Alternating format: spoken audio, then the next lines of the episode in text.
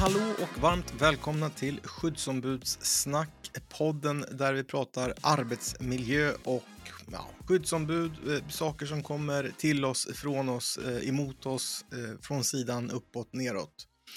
Jag som pratar heter Mattias Gustafsson. Tänk att jag säger det vid varje podd, men det är väl så jag är uppfostrad att man ska presentera sig. Eller hur? Christer Hansson som också finns där någonstans. Det är någonting du säkerligen har reagerat på.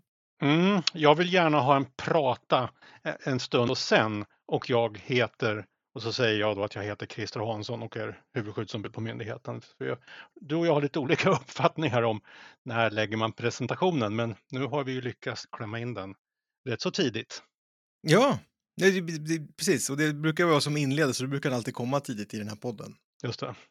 Men rent generellt så där kan du instämma i att du tycker att eh, jag alltid vill att vi ska presentera oss först? Jag kan till och med vittna om att du blir nervös om tiden går för långt. Utan, för jag, återigen, jag vill dra på det lite. Du vill ha den tidigare. Så. Ja. ja. Så du Någon gång kanske vi ska pröva ditt sätt. Ja, det kan vi väl göra. Då måste vi nog vara överens om det så att du kan härda ut. Jag tänkte säga det så får jag släppa på kontrollen. Yes. Du, hur är läget? Jo, men tack, det är bra hörru du. Um, det knallar och går som jag säger. Det, det, det är fine, det, det är lugnt. Så. Ja, men du, i, igår var du inte eh, talbar förrän efter klockan tre typ. Tänkte jag skulle inte nämna det, men eh, nu, när det kommer på tal så kan jag, precis. Jag var hos tandläkaren och satte in fyra implantat vid ett och samma tillfälle. Det som gjorde mig groggy, det var, det var nog, eh, jag tror jag räknade till uh, 6-12 bedövningssprutor tror jag kom upp i. Sånt där. Vad, vad kom du upp i sa du? 12 stycken bedövningssprutor. Oh, 12, 12 stycken stick, alltså så de pumpar in tre, tre på, sex stycken på varje sida och det är klart man blir lite påverkad och groggy av det. Uh. Hjärtklappning och svettig. Oj, oj. Mm. När, eh, jag har ju en botad tandräds, tandrädsla, tandläkarrädsla. Mm. Och den psykologen jag gick hos som hjälpte mig på ett fantastiskt sätt att bota eh, min tandrädsla eh, kallade tandläkarna för käftis. Och där kommer stora farliga käftis. Mm, just det. Och du är det lilla barnet, sa den här psykologen till mig. Okay. Och konstigt vänster så funkade det där när vi hamnade på samma nivå, käftis och det lilla barnet. Just det. Det går att balansera upp. Men du, du, det låter ju i alla fall som att du idag inte är groggy och definitivt talbar, för det, är ju, det bådar gott med tanke på att vi ska podda idag. Förutsättning för podden? Nej, men jag är tillbaka i mitt eh, goda skick så att säga, så idag är jag inte alls påverkad av det där, så podda ska vi nog kunna göra. Ja, du, mm. och idag så ska vi podda om eh, vi, vi, kommer ta oss hela vägen till kognitiv belastning, men vi mm. kommer eh, ta ansatsen i att eh, Arbetsmiljöverket nu ska granska eh, 2000 eh, arbetsplatser eh, och i där förebygga riskerna med digitala arbetssätt. Alltså de ska titta på hur jobbar de här arbetsplatserna, vilka rutiner har de och så. Och det här är ju någonting som vi inom Arbetsförmedlingen har en ganska stor utmaning kring när det kommer till just det digitala arbetssättet. Mm. Tycker det är bra att Arbetsmiljöverket gör den här granskningen för det sätter lite ljus och fokus på kognitiv arbetsbelastning. Det åker upp lite grann också i, i prioriteringen om karaktär av arbetsmiljö som behöver omhändertas. Uh, så det, det här tycker jag är välkommet att, att Arbetsmiljöverket gör. Det, det, det, det får lite skjuts i frågan tycker jag. Och jag menar, vilken arbetsplats inom tjänstesektorn idag ägnar inte en stor del av sin arbetstid åt digitala system och där de förmodligen har fler verktyg att hantera samtidigt? Alltså det, det finns väl inte en tjänstemannasektorsplats idag där, där det inte sker? Jag kan tycka det är intressant när man läser eller tar del av där de ger några exempel på varför man gör det här och att den, det, om, man, om man uttrycket digital arbetsmiljö, att det är liksom man lägger möten kloss i kloss, man får ingen återhämtning och, och, så här. Och de här begreppen känner ju du och jag igen oss i, för det är ju någonting som vi har drivit på Arbetsförmedlingen under en tid nu. Att, alltså, vi, vi, har ju sett det här och använder de här begreppen och nu, nu går ju Arbetsmiljöverket ut och, och säger vi kommer göra en granskning därför att vi kan se att man missar på de här punkterna. Och, och nu vill vi titta på hur det ser ut i arbetslivet, hur man ombesörjer det här och skapar åtgärder för att lindra eh, risken för ohälsa som det här kan bidra till.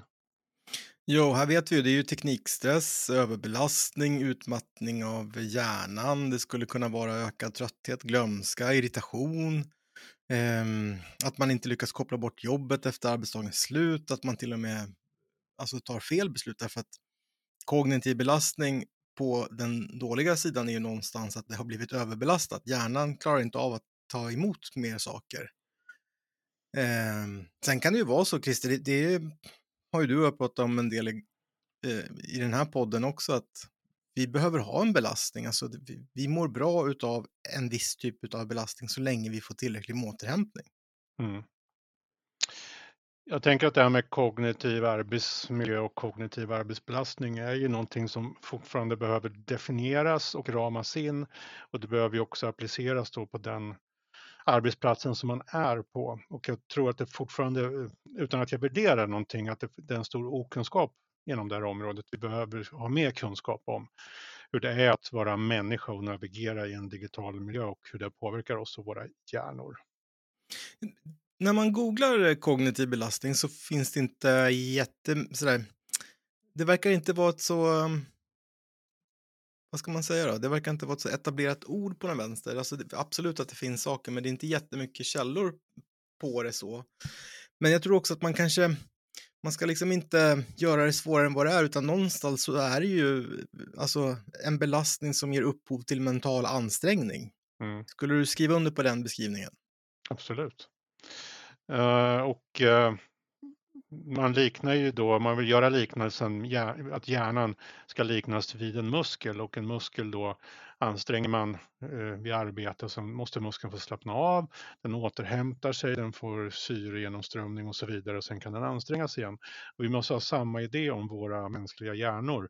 De tål ansträngning, de ska ansträngas, de ska utmanas men de behöver också sin vila, sin återhämtning, både i det eh, lilla och i det stora. För här pratar man också, i, när det kommer just till arbetslivet så pratar man också om kognitiv ergonomi, Christer. Mm. Har du stött på det uttrycket? Ja, det har jag gjort och det är också sånt där fönster man skrapar på och får lite insyn i kognitiv ergonomi. Och det, det är ju liksom själva upplevelsen och eh, när vi pratar om digital arbetsmiljö så vad är det egentligen på riktigt eh, på en arbetsdag?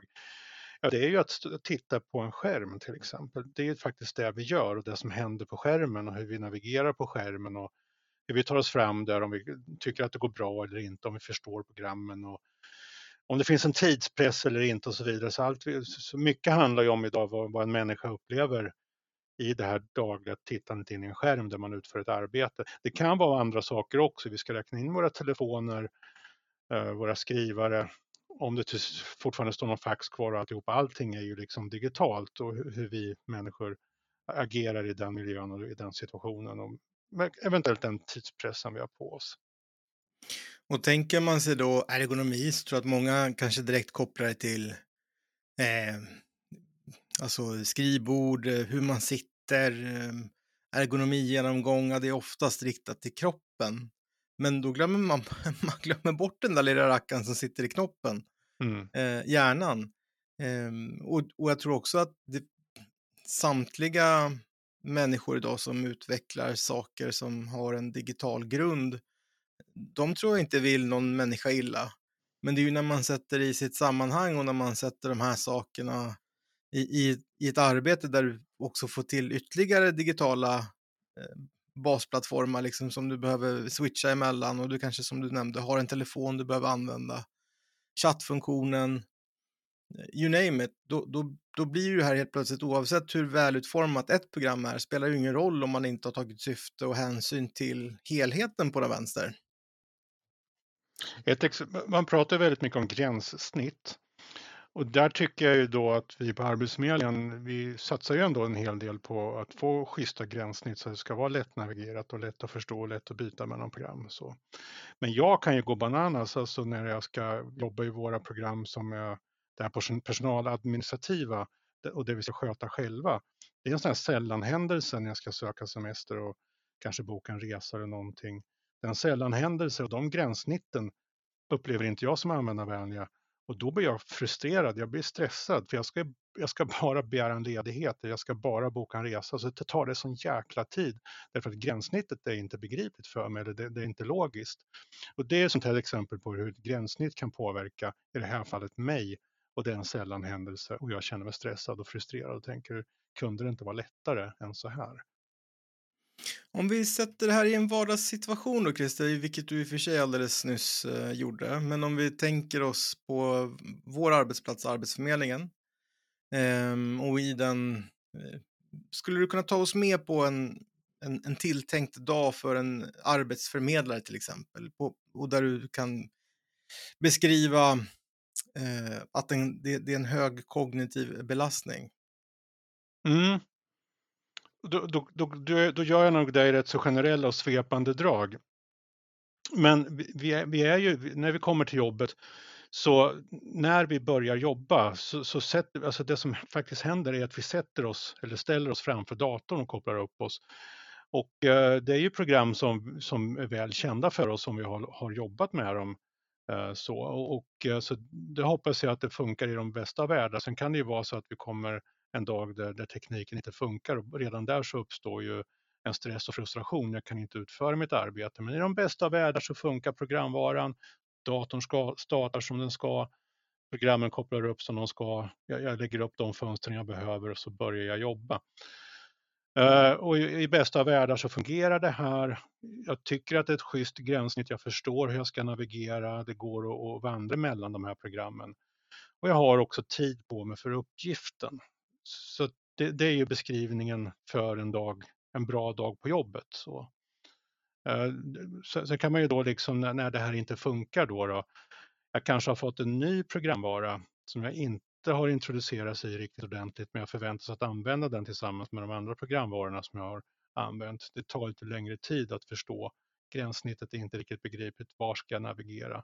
Ja, då, då kan jag känna lite stress för jag har bara en viss tid på mig att utföra det här arbetet för sen vet jag att det pockar på en ny arbetsuppgift. Då.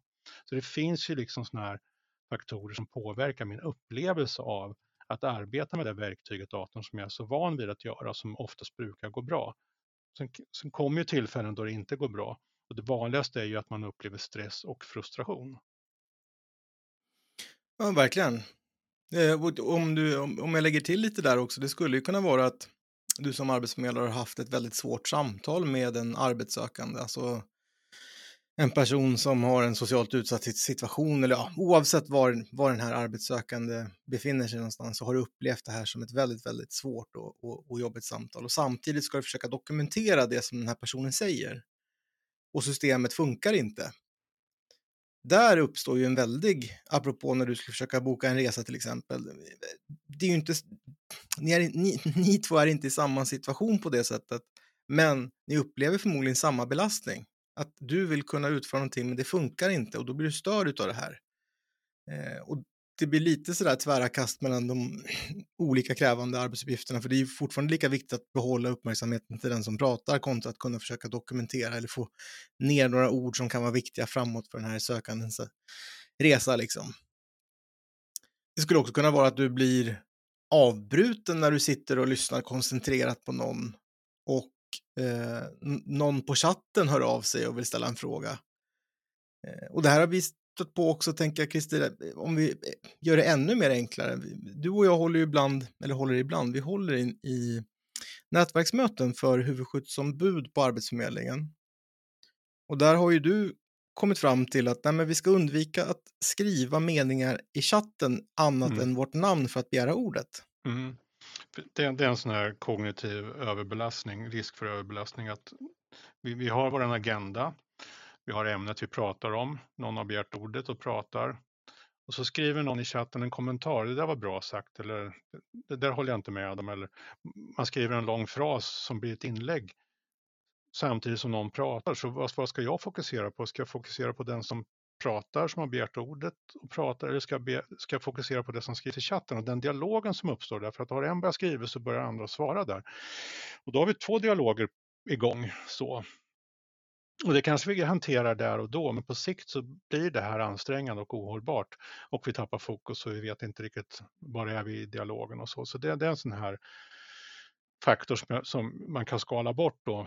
Och det är det talande ordet som gäller. Det är det vi har fokus på. Så man skulle nästan kunna konstatera att när vi säger att vi, vi har haft en hög grad av engagemang om vi tittar på hur chatthistoriken ser ut på ett möte, ja men då kanske vi också har bidragit till en väldigt hög kognitiv belastning. Mm. Eh, så det där är ju, och jag tänker när vi börjar liksom hitta ramarna för det här Christer, återigen, en arbetsplats kräver ju sin typ av ja, men regelbok. Vad är det vi gör och inte gör på en arbetsplats för att hjälpa och stötta varandra? Ja, jag, jag tror också vi ska tänka efter lite grann, återigen, hur våra hjärnor fungerar och, utgå från det för att vi klarar av att multitaska, vi klarar av att ha flera bollar i luften samtidigt, men eh, vi vet också att det är inte hållbart i längden att agera och jobba på det sättet. Och då kan man ju hitta de här faktorerna i vardagen som man skulle kunna ändra på för att det ska bli mer gynnsamt. Då. Jag, tillbaka i tiden historiskt sett så var ju arbetslivet väldigt fysiskt. Man utförde någonting fysiskt och väldigt enahanda. Man kanske stod vid ett löpande band och hade en uppgift. Och efter ett par år så kunde man göra det där utan till. Det satt i ryggmärgen och man fick förslitningsskador, fysiska skador i kroppen. Men man kunde stå där vid löpande bandet och tänka på vad jag ska göra på kvällen, vad jag ska göra i helgen, eh, vad jag ska göra på semestern som man stod och längtade bort. Men och så utför man det här rent automatik som man slet mer på. Det är klart att det var mentalt belastande också, men man slet väldigt mycket på kroppen. Idag är det ju nästan tvärtom. Vi, vi, om man jobbar i en sån här eh, i tjänstemannasektorn så sliter vi inte lika mycket på kroppen på samma sätt, men man måste tänka då att ansträngningen ligger på hjärnan. Och eh, den här idén om att vi ska vara så jäkla effektiva och kunna göra så mycket samtidigt, den stämmer ju liksom inte överens med hur våra hjärnor fungerar. Så man behöver ha någon tanke där om också hur mycket klarar vi av samtidigt. Och hjärnan ligger ju på en konstant ansträngning idag när vi jobbar. Alltså det finns ju ingen arbetsuppgift idag som, där vi inte anstränger oss väldigt kraftfullt. Och då behöver vi också få slappna av och få återkoppling. Våra, våra hjärnor behöver få vila däremellan för att sedan kunna få ny kraft och fart och återigen gå in i en ansträngande fas. Nu ska jag sträcka på nacken lite och kanske, eh, kanske sticka ut för långt så då får väl du säga det, det nyanserade eller säga tvärt emot. Men organisatorisk och social arbetsmiljöföreskrift, den är ju ganska tydlig med att chefer ska ha kunskap om hur medarbetaren fungerar i, på sin arbetsplats.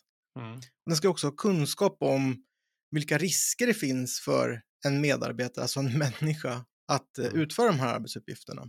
Mm. Då skulle jag ju påstå någonstans att chefen behöver ha den här liksom rent fysiologiska kunskapen om hur en, vad en hjärna behöver, inte behöver, vad en muskel behöver, inte behöver, hur hjärtat mår allra bäst. Och som vi pratar om nu då, kognitiv belastning, hur man klarar av att balansera det så att man inte får den här överbelastningen eh, på, på den kognitiva funktionen. Och där tror jag väldigt många, och jag säger tror, många chefer idag saknar den kunskapen och förståelsen. Utan ser det mer som någonting, ja men det där förväntas man kunna hantera, klara av. Mm.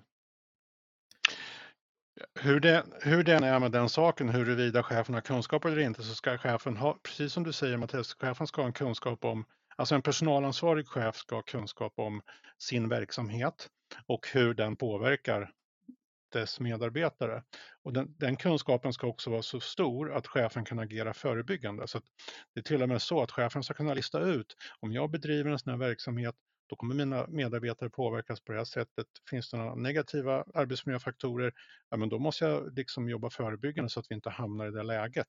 Så man ska ju inte egentligen i de bästa av världar hamna i ett läge där man får en sån kognitiv belastning att man mår dåligt av det eller far med ohälsa. Det ska ju förebyggas. Och det kräver ju en hel del, tänker jag, att sätta sig in i, okej, okay, vad är det då? Hur funkar det och vad är det för åtgärder? Man måste ju förstå det här. Ja, och, och det är ju det här som blir intressant då när Arbetsmiljöverket ska komma ut och granska de här sakerna. För jag tror att vi, vi ibland tar vi den, de digitala verktygen alldeles för givet. En, en, en såg tar vi kanske lika givet, men vi förstår att den är farlig därför den har vassa kanter. Vi kan se det uppenbara risken med att stå framför en såg och såga någonting med händerna. Någonting farligt kan hända.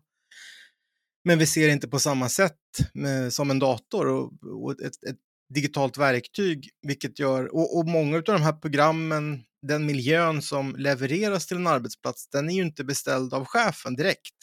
Inte chefen som har lagt en beställning på att just det här programmet ska Kalle Karlsson ha, utan det är ju någonting som förmodligen en IT-avdelning eller dylikt har liksom producerat fram, eller tagit fram, eller beställt eller köpt in eller vad det än kan vara och, och satt in i datorerna och så ska medarbetarna börja använda de här programmen.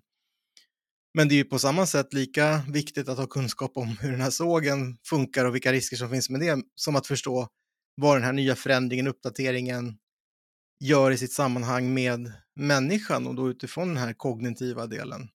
Och återigen, jag, jag fortsätter väl liksom påstå att, att jag tror att det är väldigt få som har just den här specifika kunskapen och eh, arbetar på det här sättet. Så att det ska bli jätteintressant, tänker jag, att få se vad Arbetsmiljöverket kommer fram till. Mm. Det här är ju någonting, om vi har ett litet inåtperspektiv, Christer, det här är ju någonting du och jag pratar väldigt mycket med arbetsgivarna om. Mm. De här delarna. Ja, det heter ju att tekniken, vi, vi, vi, vi är beroende av tekniken för att vi får mindre med resurser och då ska tekniken avlasta oss människor så att vi människor kan syssla med det goda arbetet. Det är ju så det är tänkt. Teknik ska hjälpa oss med det här repetitiva, det här ja, som man kan systematisera och digitalisera och då ska vi få loss tid till oss människor för det goda arbetet. Men vi når ju inte dit. Jag tycker vi har fastnat i tekniken och vi människor är till för att lösa ut den tekniska delen. Alltså så. Vi, vi är fångar i tekniken idag. Vi, vi, vi, har inte nått fram till det goda arbetet och jag kan heller inte riktigt se att vi lyfter fram det goda arbetet som man säger. Tekniken ska effektivisera och, och ge oss tid till det vi människor är bra på. Vi, bra, vi människor är inte bra på att använda strulande teknik. Vi, vi, är inte bra på att använda teknik vi inte förstår oss på, som inte harmoniserar med sig självt och varandra.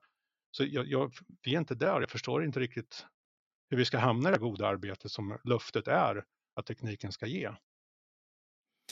Jag tänker, lyssnar man på det här som skyddsombud eller medarbetare eller chef, oavsett vad, så eh, här är ju systematiskt arbetsmiljöarbete fullständigt tillämpningsbart. Det vill säga undersök.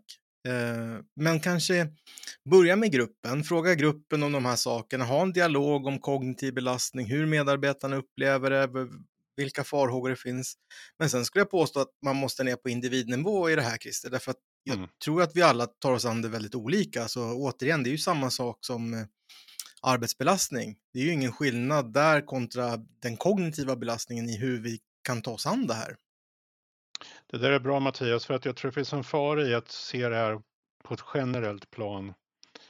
För det, det finns ju människor, medarbetare som klarar av att multitaska och som tycker det är stimulerande och, och är väldigt effektiva och så. Sen hittar de sin återhämtning på något sätt och andra gillar det inte utan vill ta en sak i taget, det funkar bättre och har ett annat sätt att få återhämtning. Så någonstans ändå så måste man se till individens behov. Sen går det ju inte att individanpassa fullt ut. Det, så är det ju, men man behöver ju ändå ha den aspekten med när man är nere på personalansvarig chef på den nivån och dess kanske 20 medarbetare så bör man ju ändå ta reda på hur var och en funkar i den här miljön och vad den skulle behöva för att det ska funka så bra som möjligt. Då. Ändå lyssna in det.